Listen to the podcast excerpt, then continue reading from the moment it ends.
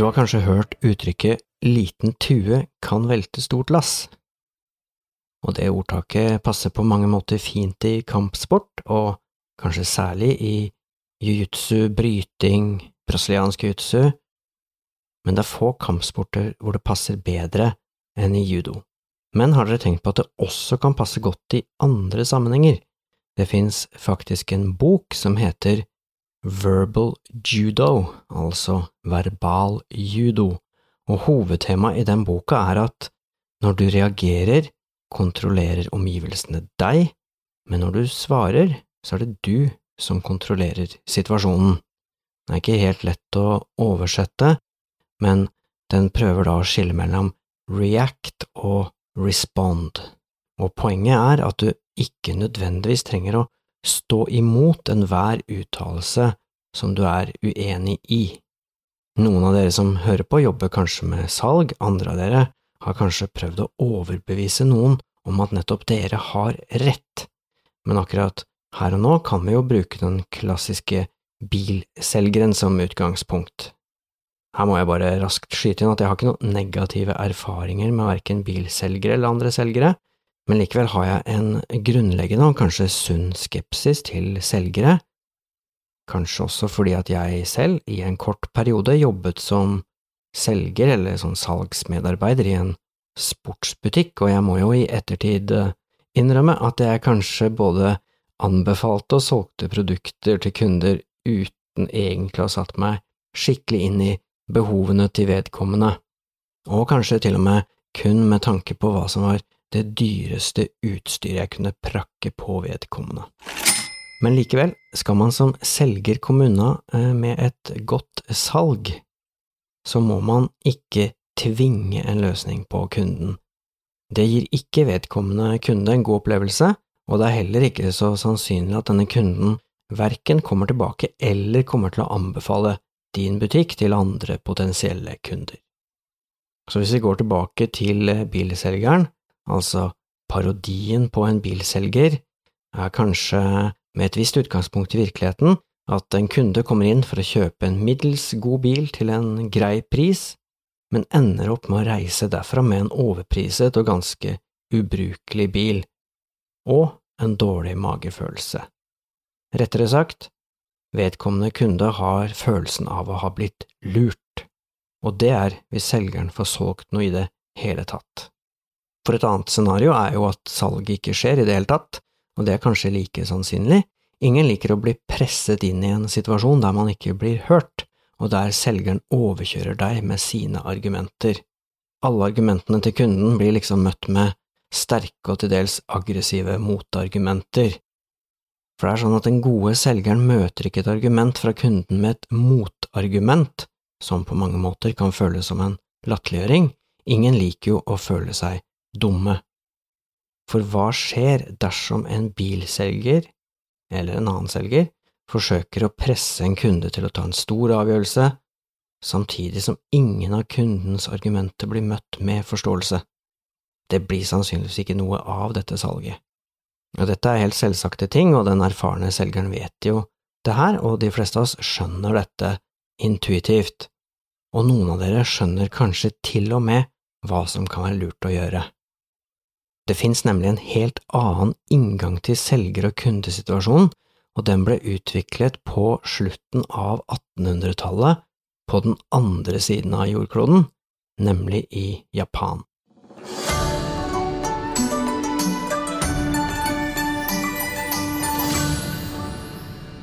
Riktignok handler dette om kampsport og judo, men som dere snart får høre, så er det mer enn nok av tips å hente her både for bilselgere og folk flest. Hvis vi tar en kjapp eh, repetisjon av hva judo er. Judoens grunnlegger, altså Igoro Kano, ble født i 1860, og han var ganske tidlig ute med å trene jiu-jitsu.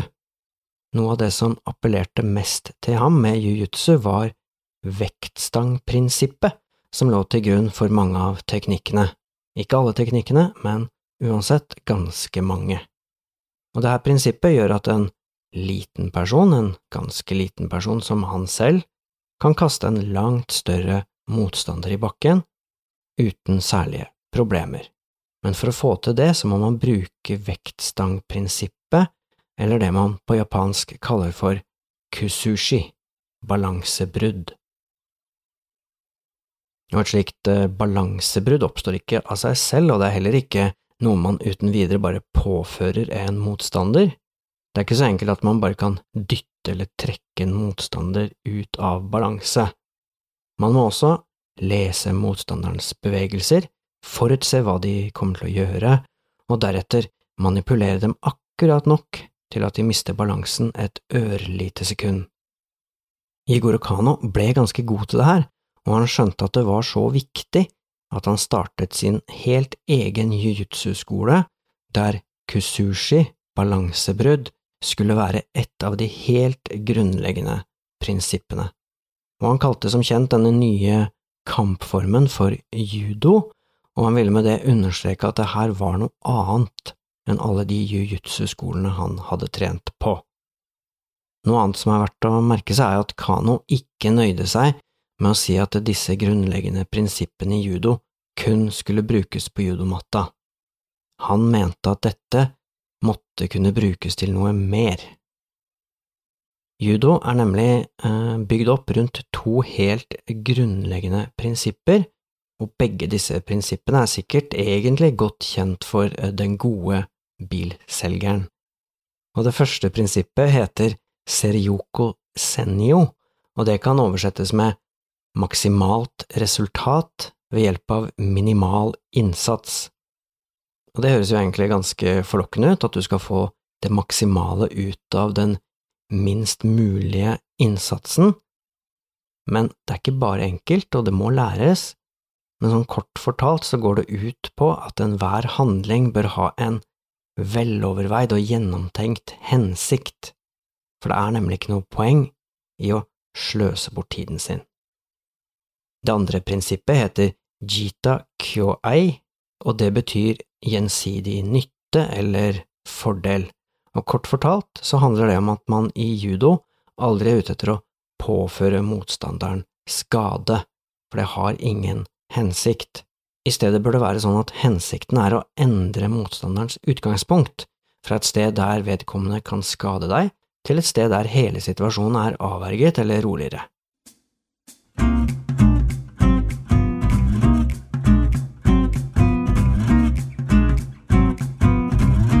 Hvis vi overfører denne holdningen til det virkelige livet, altså til mellommenneskelige relasjoner, forhold mellom mennesker, så bør man tenke på at man ikke kan vinne en diskusjon. Det er faktisk noen som sier at det rett og slett er umulig å vinne en diskusjon. Og hva mener de med det? Jo, for hvis du taper fordi du har dårlige argumenter, så taper du. Greit nok.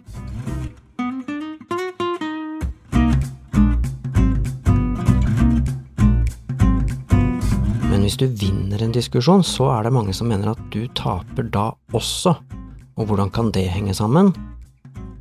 Det er fordi den andre personen kanskje kommer til å føle seg dum, latterliggjort, flau, sint eller noe lignende. I alle fall er sjansen for at den du diskuterte med, kommer til å ha en skikkelig godfølelse etter å ha tapt en diskusjon, sjansen for det er ganske liten. Og egentlig, sånn i bunn og grunn, det vet vi også fra forskning på for eksempel politiske diskusjoner og sånt, så har ikke vedkommende endret mening uansett. Så hva bør man gjøre da?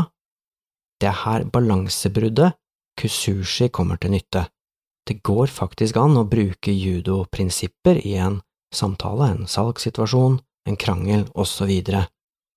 Men for å forstå dette, så kan det være lurt å forstå hva kusushi er, og det er det denne episoden skal handle om – kusushi.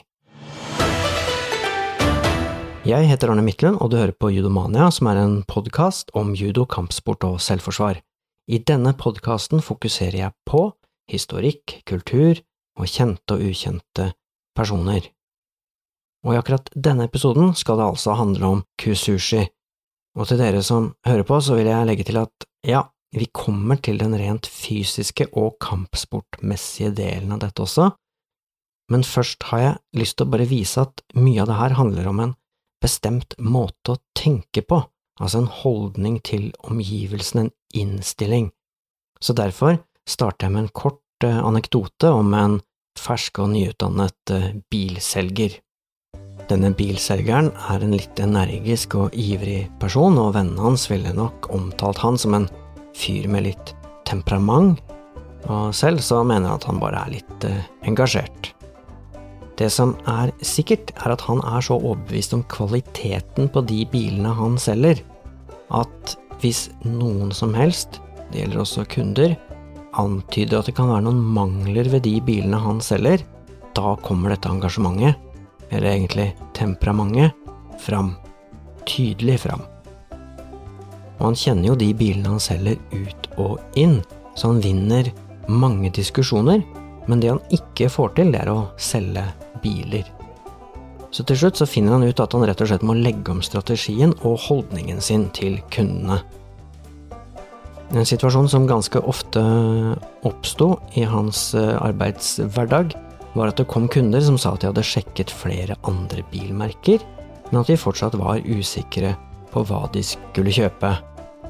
Og til vanlig så hadde han møtt sånne kunder med en tirade av negative kommentarer om det andre bilmerket.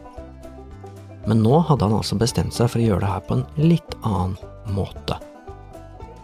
Så da det nok en gang møter opp en kunde som sier at hun kan tenke seg å kjøpe en bil fra konkurrenten, men at hun fortsatt er litt usikker, så svarer da vår venn bilselgeren på denne måten.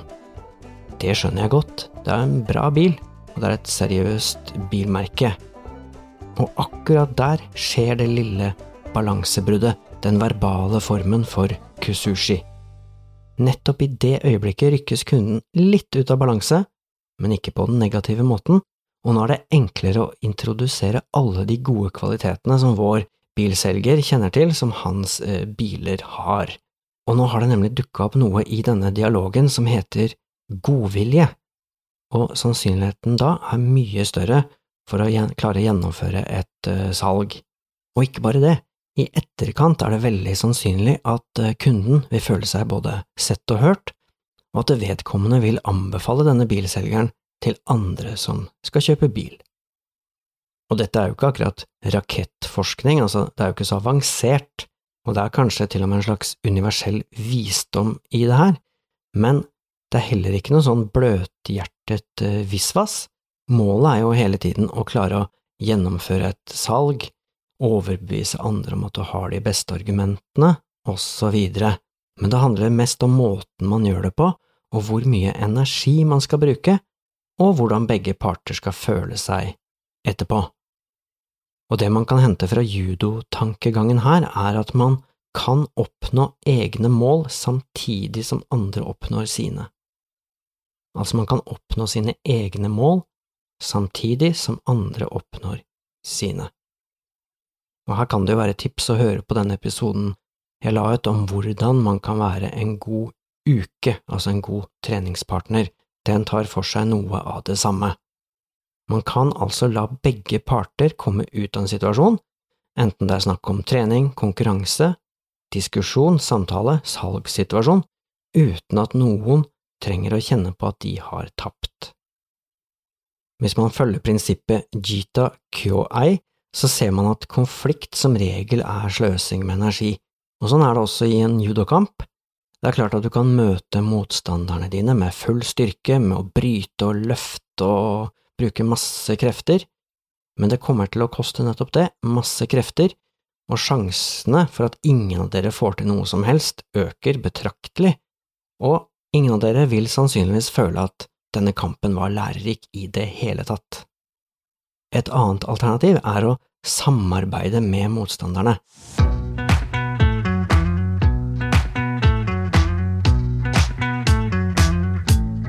La de bruke energi, la de bevege seg litt, og så kan du i nøyaktig riktig øyeblikk, med et lite rykk med armene, en liten finte eller en bitte liten tyngdeoverføring, bryte balansen og sette inn en teknikk og kaste dem pent i bakken.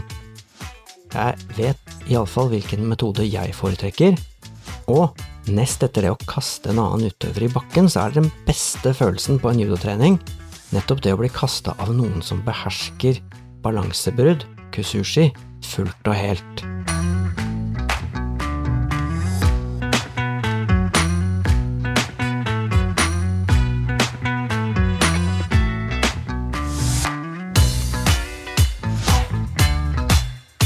Kusushi er altså helt sentralt i judo. Det handler om, som dere nå vet, balansebrudd. Så å si alle teknikker i judo blir enklere å utføre dersom utøveren har fått til et skikkelig balansebrudd. Det gjelder faktisk også i bakkekamp, når man ligger og bryter og ruller rundt på bakken, men det aller vanligste er jo å snakke om det her når man skal gjøre stående teknikker. Som jeg så vidt nevnte i innledningen, så var Igoro Kano, judoens grunnlegger, blitt oppmerksom på hvor viktig kusushi er da han trente jiu-jitsu, og kusushi var en sånn sentral del av en jiu-jitsu-skole som het Kito. Og han eh, godeste Igor Kano trente jiu-jitsu på mange forskjellige skoler, og alle skolene hadde sitt særpreg. Og på Kito-skolen var kusushi altså en viktig del av den tradisjonelle undervisningen, og det var så viktig at teknikker og metoder var nedtegnet i noe som kalles for hontai nomaki, en tekst som tar for seg korrekt posisjon av kroppen, og i noe som heter chi nomaki, en tekst som tar for seg jordens krefter. Og slike makier, eller ruller, hørte vi om i den episoden av Junomania podkast som handler om beltegrader, og du kan se bilder av disse makene på nettsidene til Judomania. Og på Kito Rui så var det særlig da de trente noe som kalles for Midari Dori, som er da Kito-versjonen av Randori som man har i judo, og det er egentlig sparring. Eh, det var her Igor Kano så behovet for å bryte balansen til motstanderen før man prøver å utføre et kast. Og det er lett å forstå at en liten person som Igor Kano hadde et behov for å finne på noe som ville gjøre det enklere å kaste motstanderne i bakken. Igor Kano nevner faktisk eh, Kusushi i en tale han holdt 11. mai 1889, og det var jo bare sju år etter han grunnla judo, og i denne talen så sier Igor Kano at han har lært om balansebrudd på Kito-skolen, og at balansebrudd gjør teknikkene fra denne skolen mer avanserte enn mange andre teknikker han har lært på andre skoler. Det er også opplagt at balansebrudd, kusushi, var en naturlig og viktig del av judo, i og med at så å si alle judobøker fra og med begynnelsen av 1900-tallet nevner nettopp det her med balansebrudd.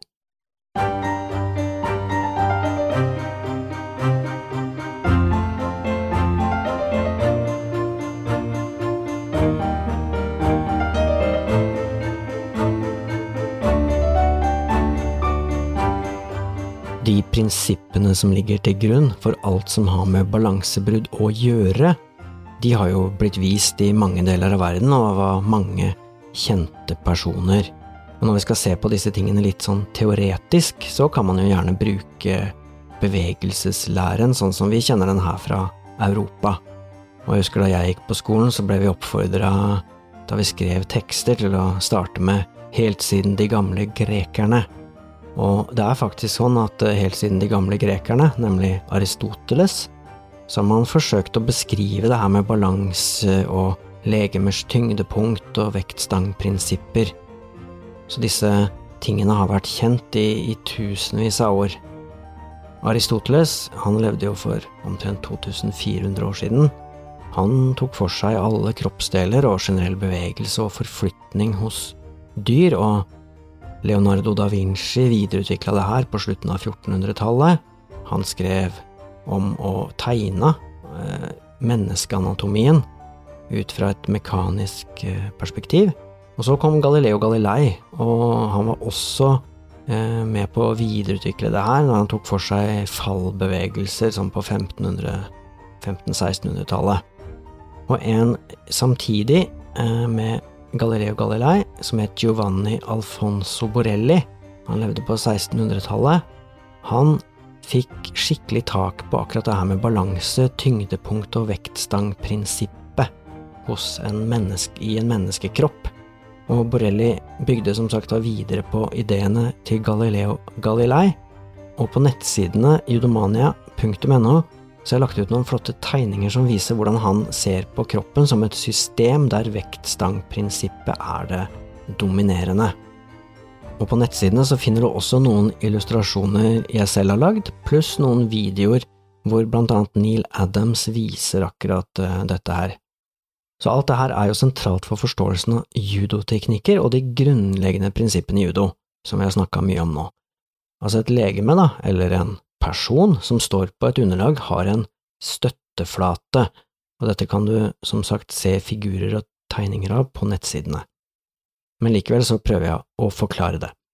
Hvis man tar utgangspunkt i tyngdepunktet til denne kroppen, så kan vi tenke oss en loddlinje ned mot eh, jordens sentrum, og så lenge denne loddlinja ikke kommer utenfor støtteflata, så er denne kroppen eller dette legemet i balanse.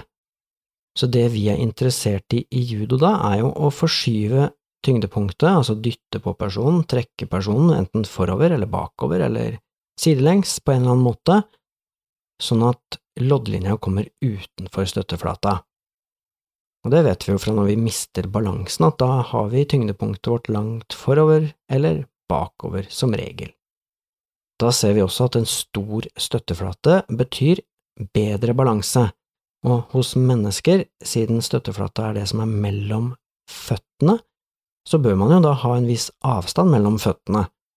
Iallfall bør man unngå å stå med samlede føtter, og det lærer alle som trener judo, at du skal ikke krysse beina eller stå veldig sånn smalt med føttene. Men det betyr også at vi må velge hvilken retning vi vil ha god balanse i, fordi støtteflaten kan jo bare være mellom føttene, som sagt. Det betyr at hvis du står helt vanlig opp og ned, så har du god balanse til sidene, men ganske dårlig balanse forover og bakover. Og dette er sånne ting som judoutøvere lærer seg å utnytte. Da er det jo også sånn at jo lavere tyngdepunkt en utøver har, desto bedre balanse har hun.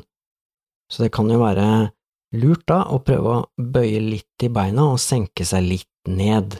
Men her må man jo finne en middelvei, for det er jo selvfølgelig vanskelig å bevege seg raskt og effektivt hvis beina er altfor bøyd. Og det er akkurat det herre krysspresset mellom alle disse betraktningene som gjør at kusushi kan være så utrolig komplisert selv om det i utgangspunktet bare er et par–tre enkle sånne valg man må gjøre. Og det er også det her som gjør at jeg synes at det er så spennende å se på de tilsynelatende statiske og stillestående judokampene, iallfall hvis det er gode judoutøvere, for da er det nesten som et sånt sjakkspill der man stadig forsøker å sette hverandre ut av spill og ut av balanse. Og når man går judokamper eller trener på judoteknikker, så kan man forårsake eller initiere eller stimulere til dette balansebruddet på mange måter, men som jeg var inne på nå nettopp, så er hensikten hele tida å bryte symmetrien til motstanderen på en måte, sånn at tyngdepunktet forflytter seg. Og her er det jo mange, mange måter, jeg kan nevne noen. Du kan bruke hendene aktivt, du kan for eksempel trekke eller skyve, og her er det kanskje viktigere at det er en hurtig bevegelse enn at den er sånn sterk og kraftig, Bevegelsen må være sånn at motstanderen ikke rekker å eh, forandre kroppsposisjon, eller altså forflytte beina, for å forsvare seg. Du kan bruke kroppsfinter, altså gjøre en sånn fintebevegelse, et rykk med kroppen. Du kan gjøre fotfinter. Du kan faktisk bare finte med hodet eller hendene uten faktisk å gjøre noe, men hele målet er å frambringe, eller altså sette i gang, en eller annen slags umotivert bevegelse hos motstanderen din og da kan du i neste omgang oppleve at du klarer å bryte balansen da, til motstanderen. Og når man har forsket på eh, konkurranser, så har man sett at den aller vanligste måten å få uke, altså den som teknikken utføres på, ut av balanse, det er ved et såkalt snap pull, altså et raskt rykk med én eller begge hender. Og i så å si alle kampformer så er det også en sånn effektiv metode er å la motstanderen finne en rytme, for så å bryte rytmen. Det her kan man jo kalle for en slags broken rhythm-strategi. Moderne forskning på kusushi legger også vekt på at disse roterende bevegelsene er viktige i sammenheng med balansebruddet, og her legges det vekt på at ulike finter med en påfølgende rotering av kroppen krever mindre energi, og derfor er mer effektive for Torry, altså Torry er den som gjør teknikken. Og det her er jo helt i tråd med hvordan for eksempel judolegenden Kyoso Mifune bevegde seg for snart 100 år siden. Det kan du også høre mer om i episoden om livet hans, den som heter Kyoso Mifune, judoguden. Så neste gang du diskuterer med noen, eller skal kjøpe deg nye felleski, eller du skal be om høyere lønn, eller skal forhandle med barna dine om innetider, leggetider, grønnsaksspising eller lignende, så kan du jo kanskje sende da en vennlig tanke til judosporten og prinsippene som ligger bak balansebruddet kusushi. Da er jeg sikker på at du kommer ut av diskusjonen på en super måte, der begge parter føler seg sett og hørt.